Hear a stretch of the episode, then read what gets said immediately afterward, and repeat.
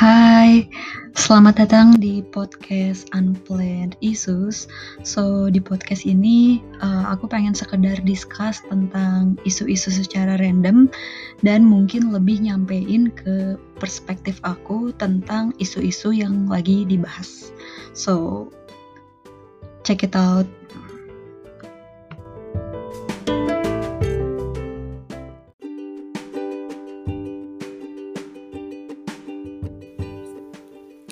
So, hari ini tanggal 2 Agustus 2020 Gak kerasa banget rasanya udah masuk di bulan ke-8 di tahun ini. Mungkin karena sebagian dari kita, aku gak tahu sih masih banyak juga yang work from home atau masih banyak yang ngejalanin aktivitas di rumah. Jadi rasanya waktu lebih cepet terus gak kerasa kali ya kayak udah bulan 8 aja So ini masuk di episode ketiga, episode uh, podcast Unplanned Issues. Kali ini aku pengen bahas judulnya tentang manner online.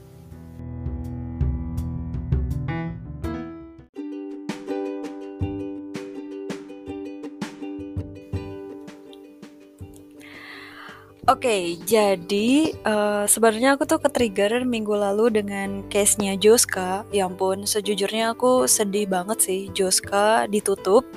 Dan uh, beberapa hari yang lalu tuh aku cek Instagramnya Joska itu masih masih ada, masih available. Tapi barusan tuh aku cek udah nggak ada. Mungkin udah diblokir juga dari Kominfo karena katanya bakal diblokir. Uh, meskipun gitu sih uh, seminggu lalu tuh aku cek kayak followersnya itu nggak terlalu turun begitu drastis sih. Kan terakhir uh, aku masih follow tuh sekitar 400 k lah 400 sekian. Dan itu nggak terlalu turun begitu drastis yang mungkin mencerminkan masih banyak juga orang-orang yang emang ngerasa Joska itu informasi-informasi di dalamnya itu worth it banget Uh, tapi di sini aku nggak pengen bahas tentang Joska-nya. Jadi uh, apa ya review singkat tentang case-nya kemarin. Intinya Joska itu uh, dituduh uh, ngelola dana investasi secara ilegal investasi ngelola dana investasi klien yang mana si Joska ini tuh ternyata punya anak dua perusahaan namanya PT Amarta Investa dan PT Mahesa Strategis di mana saham terbesarnya juga dimilikin sama si foundernya Joska dan mana alamat kantor yang dicantumin itu juga sama yang bikin perdebatan di netizen dan ya di akun akun-akun lain yang ngebahas tentang isu-isu keuangan dan intinya tuh si dua perusahaan ini tuh belum dapat izin dari OJK buat uh, ngelola dana investasi dari si klien. Jadi otomatis ini ilegal sih case-nya. Nah, tapi uh, aku di sini nggak pengen bahas tentang uh, pro dan kontra seputar Joska, tapi aku lebih di sini pengen bahas ke komentar-komentar netizen yang dilontarin ke si foundernya, akara biasa di uh, baik di personal akun ataupun di komentar-komentar di postingan terakhir Joska.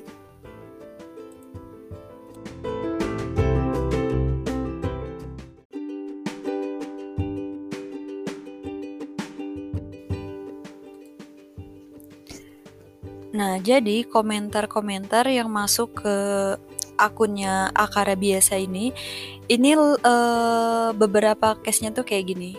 Bang, gak mau bunuh diri kah? Terus kayak misalnya ada beberapa komentar yang mati aja lo. Terus gak tahu malu. Terus kalau misalnya ada juga beberapa gak sedikit yang suruh si foundernya Joska ini buat dia bunuh diri aja, buat dia mati aja karena dia udah gak berguna, udah banyak klien yang komplain, ya entah banyaknya di kamus mereka itu berapa number, tapi aku nggak tahu. Intinya tuh kayak uh, komentar-komentar negatif yang itu tuh kayak um, seolah-olah punya hak buat nyudutin si uh, orang lain buat bunuh diri aja, mati aja kayak gitu. Nah ini tuh kasus ini juga nggak cuman ada di case-nya uh, Akara biasa, case-nya Joska. Case-nya ini juga aku temuin beberapa bulan lalu yang mungkin juga sempat ngikutin. Jadi uh, foundernya Ruang Guru, Belva Devara itu kan uh, kemarin itu terpilih jadi staff susnya presiden. Nah, waktu di corona kayak gini ternyata skill academy yang which is didiriin itu termasuk dari bagian dari ruang guru juga. Dan uh, terpilih jadi salah satu apps yang bakal dipakai buat kartu prakerja. Dan itu juga kayak sempet beberapa bullying, beberapa komentar yang menurut itu itu lumayan kejam juga sih masuknya. Nah, kayak itu tuh komentar-komentar yang masuk itu kayak dia dibilang Belva itu dibilang ngegelapin dana 6 triliun yang bahkan orang-orang yang komentar mungkin juga nggak terlalu paham sih flow kerjasama kartu prakerja dengan ruang guru itu kayak apa dan yang sebenarnya kerjasamanya juga itu udah di udah deal sebelum Belva diangkat jadi staff sus. Dan uh, intinya beberapa komentar yang kayak gila udah makan uang 6 triliun. Terus kan waktu itu kan uh, ceritanya tuh Belva kan mundur jadi staff sus kan karena ada ya pro kontra karena dia dituduh uh, mentang-mentang dia staff sus terus dia kayak majuin skill academy jadi aplikasi yang dipilih yang mana itu dananya nggak sedikit. Dan dibilang kayak dia udah makan uang 6 triliun lah terus gitu mundur enak banget. Dan komentar-komentar yang menurut aku itu lumayan ngejatuhin mental sih. Dan itu lumayan kejam juga. Terus selain case-nya Belva atau Joska tadi, itu juga aku pernah lihat di akunnya influencer Gita Saf. Jadi sekitar beberapa bulan lalu juga itu Gita Saf itu kan sempat speak up tentang uh, eh, RUU PKS yang mana itu tuh sempat juga jadi bulian dan apa ya dia juga sempat kayak di uh, di apa ya diserang secara online uh, oleh akun-akun yang emang oleh pihak-pihak yang dia emang nggak setuju tentang pengesahan RUU PKS dan komentar-komentarnya tuh kira-kira uh, yang aku ingat tuh kayak gini uh, Gita Saf ini dituduh influencer kondang lah, terus dituduh pendukung LGBT lah, terus sampai ada beberapa akun yang mempertanyakan keislamannya. Bahkan uh, ada juga kayak yang sengaja ngangkat topiknya Gita Saf ini di Insta Story atau di postingannya akun mereka bahkan waktu itu tuh sempat jadi trending juga gitu soal uh, Gita Saf yang dukung RUU PKS kayak gitu. Dan setelah aku baca buku keduanya A Cup of Tea yang mana kayak dia nyeritain juga masalah personalnya yang itu tuh ternyata bikin dia down banget waktu itu dan bener-bener kayak ngerasa emang useless lah sebagai hidup uh, hidupnya tuh useless. Kayak beneran nggak bikin bikin dia ngerasa nggak bermanfaat gitulah dari komentar-komentar netizen itu. Case-nya lain yang bisa aku ambil contoh misalnya orang-orang juga mungkin udah pada tahu tentang youtuber KKI waktu jadi dia tuh viral uh, waktu dia uh, pakai uh, make up ceritanya bikin make up vlogger uh, beauty vlogger tapi dia tuh make up pakai balon. Dan itu tuh aku baca waktu itu waktu komentarnya belum di off itu banyak banget komentar-komentar negatif karena kekurangan secara fisik. Dan ya maksudnya tuh menurut netizen mungkin KKI itu kayak nggak deserve lah bisa ada di posisinya sekarang. Itu kayak banyak juga beberapa orang yang bilang kayak ya keke itu cuman cari perhatian bla bla bla dan lain-lain. Sampai akhirnya mungkin uh, komentarnya itu di off karena itu udah terlalu kejam banget kali ya. Nah, another case lagi ada artis Korea uh, Suli yang emang kita tahu itu udah bunuh diri karena uh, kejulitan netizen. Dan case-case lain yang mungkin juga nggak bisa aku mention satu persatu, tapi aku yakin juga semua orang pasti pernah baca dan ya maksudnya tuh komentar-komentar uh, negatif tapi di di halaman online tapi itu tuh kayak dianggap ya udah biasa aja gitu. Dan itu tuh kayak menurut aku kayak ada yang menjanggal sih kok jadi biasa aja kayak gitu.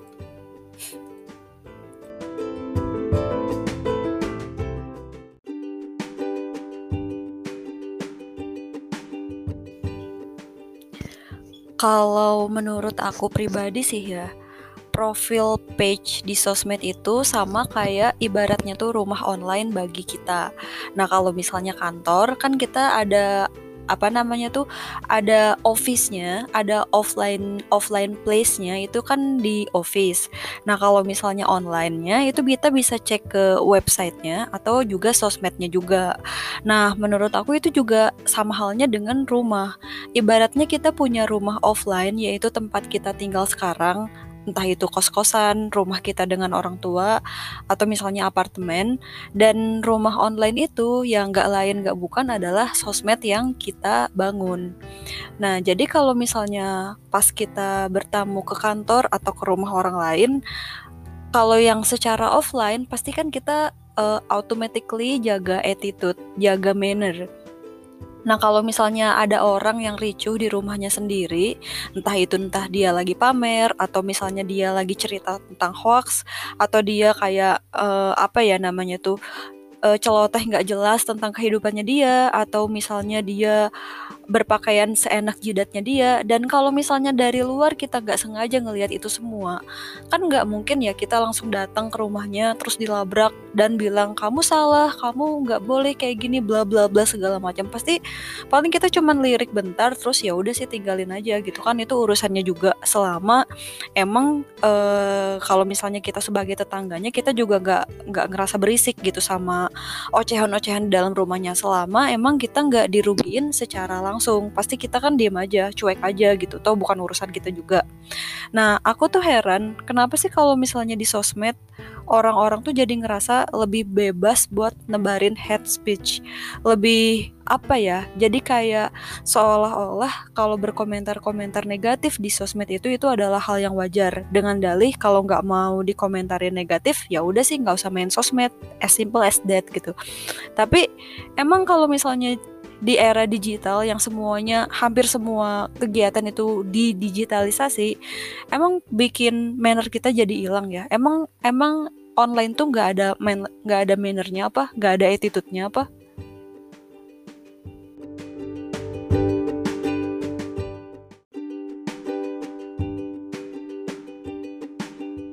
Nah, sejujurnya aku juga personal punya personal case soal apa ya namanya um, ya bisa dibilang cyberbullying tapi nggak terlalu cyberbullying banget sih. Ini kayak lebih ada orang-orang yang komentar negatif di platform internet. Jadi ini bukan di akun pribadi. Jadi beberapa bulan lalu kan aku itu kerja sebagai content manager di um, sebut nama nggak ya? Ya konten manager di e-kampus Indonesia. Intinya kan aku megang Instagramnya gitu.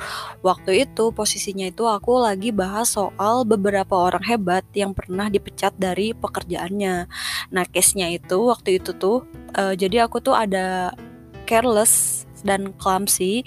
Um, beberapa orangnya itu kan di antaranya itu ada J.K. Rowling, yang mana itu tuh ada ketuker gitu loh gambarnya foto J.K. Rowling sama Oprah kalau nggak salah. Nah itu itu kayak si netizen netizen itu kayak langsung komentar-komentar negatif di mana ketika satu komentar negatif itu muncul, yang lain juga kayak ke trigger buat uh, walaupun udah ada komentar yang sama ya di atasnya, tapi kayak yang lain tuh ke-trigger buat nambahin juga gitu. Dan itu beberapa komentarnya tuh kayak, wah adminnya nggak teliti nih. Terus kayak ada juga yang bilang, habis ini siap-siap dipecat ya Min. Padahal bos aku juga kayak cuman negur aja sih, nggak sekejam itu langsung dipecat gitu waktu itu. Terus kayak adminnya ada yang bilang nggak double check nih katanya. Terus ada juga sih yang komentar kayak wah adminnya lagi kurang fokus gitu. Min diperbaiki ya kontennya bagus itu ada sih. Tapi kayak lebih banyak itu yang kasih komentar-komentar negatif gitu. Itu aku bukannya pengen apa ya namanya tuh um, defensif sama keteledoran tapi enggak. Maksudnya tuh di antara 10 konten mungkin yang salah yang salah dan ada typo dan kayak ada kekeliruan sebesar itu itu satu konten tapi kayak bener-bener dibesarin banget itu dan waktu itu tuh aku coba edit karena uh, waktu itu udah lumayan banyak yang lihat juga kan. Akhirnya aku coba edit agak buru-buru juga. Dan waktu itu koneksi internetnya kayak lagi kurang terlalu bagus dan akhirnya yang diedit itu agak blur. Dan lagi lah komentar netizen ngehujanin kayak ah gila udah diedit eh ternyata blur bla bla bla segala macam dan yang sejujurnya aku yang bukan siapa-siapa aja itu beneran ngerasa lumayan down sih. Kayak aku teledornya separah itu ya. Kayak bener-bener ya emang sih kayak carelessnya itu salah satu weaknessnya aku juga tapi menurut aku tuh apa apakah harus bener-bener diperbesar dibesar-besarin sampai segitunya ya itu aku juga sejujurnya itu waktu itu aku juga sedikit down juga dan aku kayak mulai relate sama orang-orang apalagi orang-orang besar yang dia public figure, yang dia dikenal banyak orang dan dikasih komentar-komentar negatif itu mungkin dia tuh jauh-jauh lebih down daripada yang aku rasain gitu. Karena aku aja sejujurnya udah kesel sih waktu itu, kesel dan sedikit mulai apa ya ngejudge diri juga. Kok aku payah banget sih yang kayak gini aja nggak teliti kayak gitu. Nah, tapi ya udah sih aku juga nggak mau perpanjang masalah itu. Akhirnya malamnya tuh aku uh, buat ngelampiasin rasa ketidak kekesalan aku juga mungkin ya. Akhirnya malamnya aku posting tentang profesi yang tepat buat kamu yang suka mencari kesalahan orang. Ya beberapa di antaranya itu ada editor atau misalnya juga ada yang apa ya selain editor aku lupa. Tapi ya pokoknya aku posting itu dan ya walaupun mungkin akhirnya di postingan itu kayak orang-orang juga nggak nyambungin ke postingan sebelumnya tapi aku lumayan lega gitu jadi akhirnya. Nah dari situ uh, ya aku juga bisa intinya menurut aku kayak orang-orang yang komentar negatif itu kayak gunanya apa sih maksudnya tuh? Toh kalau di atasnya udah ada komentar yang sama kenapa sih pengen banget nambahin gitu? Kayaknya tuh pengen banget bikin si orang itu tuh jadi down gitu dan nggak peduli kelanjutannya tuh kayak gimana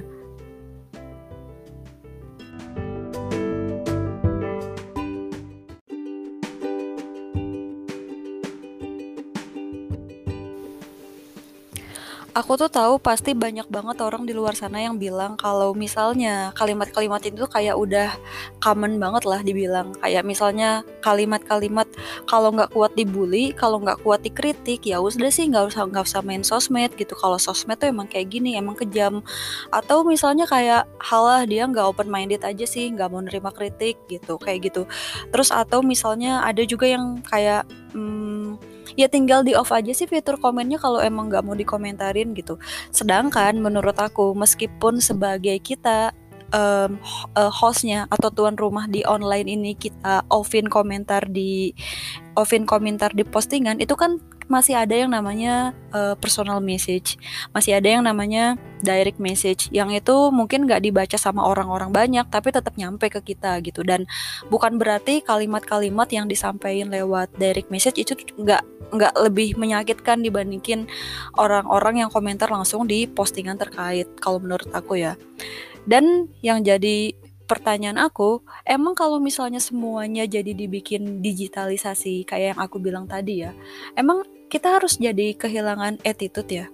Digitalisasi ini kan maksudnya tujuannya tuh buat mempermudah akses informasi dan bukannya tuh bukan ngasih ruang buat kita jadi julid lebih gampang, julid lebih mudah gitu.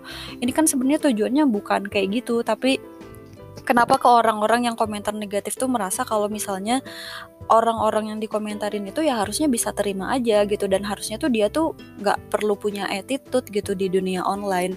Emang aku tuh kadang heran sampai segabut itu kah sampai rela ngetik sepanjang itu cuman buat kasih head speech? Emang untungnya buat dia sendiri apa sih? Kan nggak ada ya selain bikin orang lain down. Atau sampai ada beberapa akun yang aku lihat itu niat banget dia bikin fake account dan dia kayak kasih komentar-komentar negatif uh, dia sebarin komentar-komentar negatif kayak gitu nah itu Nah ini juga di case-nya Joska, si Akara biasa ini juga sempat jelasin kemarin kalau misalnya ternyata ada beberapa komentar negatif yang itu tuh template. Aku nggak tahu sih ya itu bener template atau enggak dan dia juga waktu itu sempat kasih screenshotnya uh, walaupun satu jam kemudian storynya tuh langsung dihapus karena banyak ber, uh, beberapa akun beberapa nama yang dia nggak sensor gitu. Nah itu tuh kayak emang ya komentarnya yang aku lihat emang template banget sih. Dan itu tuh rata-rata nggak ada foto profile uh, followingnya banyak atau misalnya dan nggak ada followers sama sekali. Jadi itu kayak ada orang yang sengaja bikin akun cuman buat kasih komentar-komentar negatif di ya dunia maya kayak gini. Dan beberapa alasan sih menurut aku kenapa netizen itu membenarkan komentar-komentar negatif atau nggak merhatiin manner yang ada di dunia maya.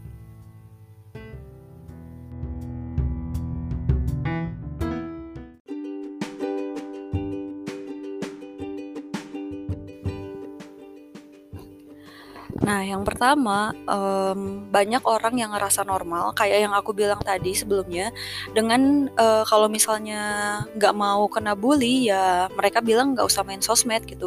Padahal kan mau main sosmed atau enggak itu tuh murni hak kita pribadi gitu. Toh kita juga daftar pakai nama kita sendiri, kita isi sesuai apa yang kita mau kok jadi orang lain yang ribet sih, eee, ngelarang-larang kita bikin akun sosmed kayak gitu. Dan ada juga mungkin, mmm, dia tuh ngerasa si yang kasih komentar negatif itu nggak kenal deket secara emosional dengan orang yang dia bully, dengan orang yang dia kasih komentar negatif.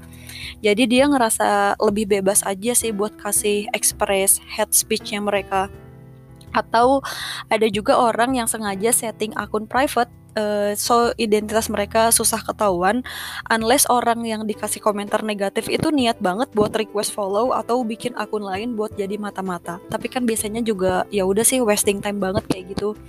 Atau yang lebih parah um, dia itu bisa juga nyamar pakai fake account dan itu lebih gampang. Uh, track recordnya juga lebih sulit ditebak karena zaman sekarang kan gampang, tinggal bikin email baru aja. Yang penting ada nomor telepon, terus um, ada uh, bikin email baru, ada nomor telepon, ya udah sih. Terus bikin akun sosial media terkait dan bisa julid sepuas-puasnya mereka gitu. Dan itulah jadi mereka mikir uh, ya udah sih, tau identitas mereka juga bisa tersembunyikan. Kalaupun harus dilacak dari alamat IP-nya itu kan juga ngelibatin IT yang tingkat tinggi banget. Kalau misalnya nggak dibayar sesuai dengan kerja kerasnya, mungkin juga IT-IT males lah sampai nelusurin alamat IP yang itu terbilang susah juga. Jadi ya udah sih identitas mereka finally aman dan ini tuh teror-teror ini tuh ya udah uh, bisa dilakuin lebih leluasa aja jadinya.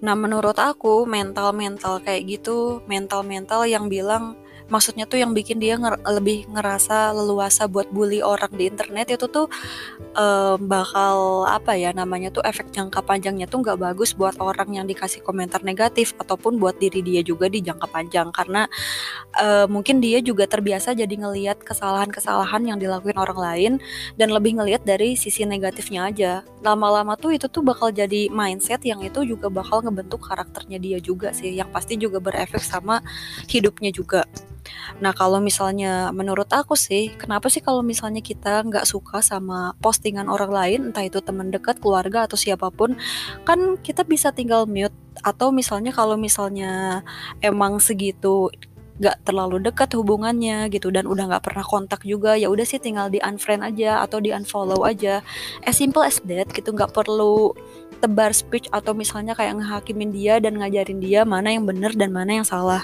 Atau kalau emang ngerasa udah bener-bener diganggu sama akun terkait dan postingannya bener-bener ganggu atau misalnya ya terganggu entah karena apa pun kan bisa diblok ya udah sih after di blok dia juga nggak bisa cari akun kita lagi kecuali dia bikin akun baru kayak gitu atau kalau misalnya kita emang bener-bener dirugiin dirugiin baik secara uh, mungkin ada yang kena ada yang kena misalnya sexual harassment di internet atau misalnya ada yang kena teror kayak gitu atau misalnya ada yang kena penipuan secara online yang itu dia bener-bener dirugiin gitu physically mentally. Nah itu kan e, bisa lapor ke pihak berwajib dengan prosedur-prosedur yang ada kalau menurut aku. Dan kalau misalnya masih merasa dirugiin dari akunnya tersebut kita juga kan ada fitur report report account di Instagram, YouTube atau sosmed-sosmed lainnya yang kayaknya semuanya tuh udah hampir nyediain fitur ini. Dan nanti tuh bakal di evaluasi juga kan sama si sosial media terkait dan akunnya tuh bisa dinonaktifkan gitu. Jadi nggak perlu tebar head speech apalagi suruh-suruh orang mati kayak gitu sih. Emang kita punya hak apa? Atau dia juga dari lahir dibesarin sama orang tuanya. Terus kita yang bukan siapa-siapa yang nggak pernah bantu dia apa-apa terus tiba-tiba nyuruh dia mati kok bisa-bisanya sih kalau aku nggak habis pikir gitu. Dan kalau misalnya ada beberapa hal yang kita ngerasa beda opini beda pendapat beda beda perspektif kan tinggal bikin apa ya tinggal sampein opini dia perspektif dia ya di akun dia sendiri di di rumah dia sendiri gitu. Dia bisa ngomong apa aja. Toh nanti kalau orang lain yang nggak suka ya orang lain juga ada fitur mute dan block atau unfriend atau unfollow gitu. Ngapain sih harus pakai debat kusir sama orang lain? Yang menurut aku ya meaningless dan ngapain sih ya, ya wasting time juga sih maksudnya. Terus um, kenapa sih nggak fokus urusan ke urusan kita aja dibandingkan harus um, ngeluangin waktu satu jam dua jam komentar komentar-komentar negatif di akun terkait. Terus nanti ada beberapa orang yang menyukai komentar kita dan kita ngerasa bangga dengan itu ya dan gitu-gitu gitu-gitu seterusnya sampai akhirnya jadi habit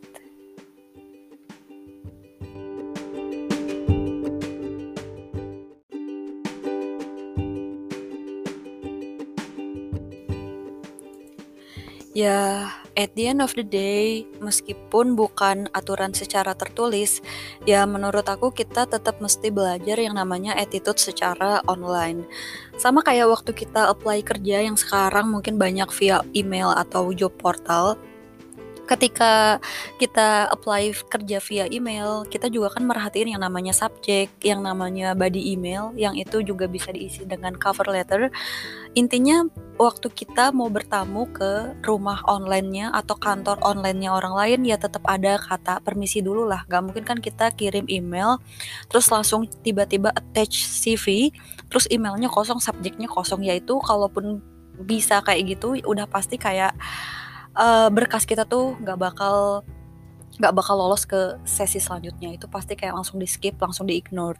Ya itu juga menurut aku berlaku di interaksi-interaksi lain secara online gitu. Interaksi-interaksi keseharian interaksi-interaksi sama orang-orang yang yang kita kenal maupun influencer-influencer ataupun orang-orang lain yang emang nggak kita kenal sama sekali. Itulah uh, semua itu tetap ada attitude tetap ada mannernya Nah, kira-kira gitu sih pendapat aku soal online manner kali ini. Makasih banget buat yang udah dengerin sampai akhir karena kayaknya episode kali ini lumayan lebih panjang dibanding episode kemarin-kemarin. Uh, ya uh, sampai jumpa di isu-isu yang lain, isu-isu selanjutnya dan have a good day everyone.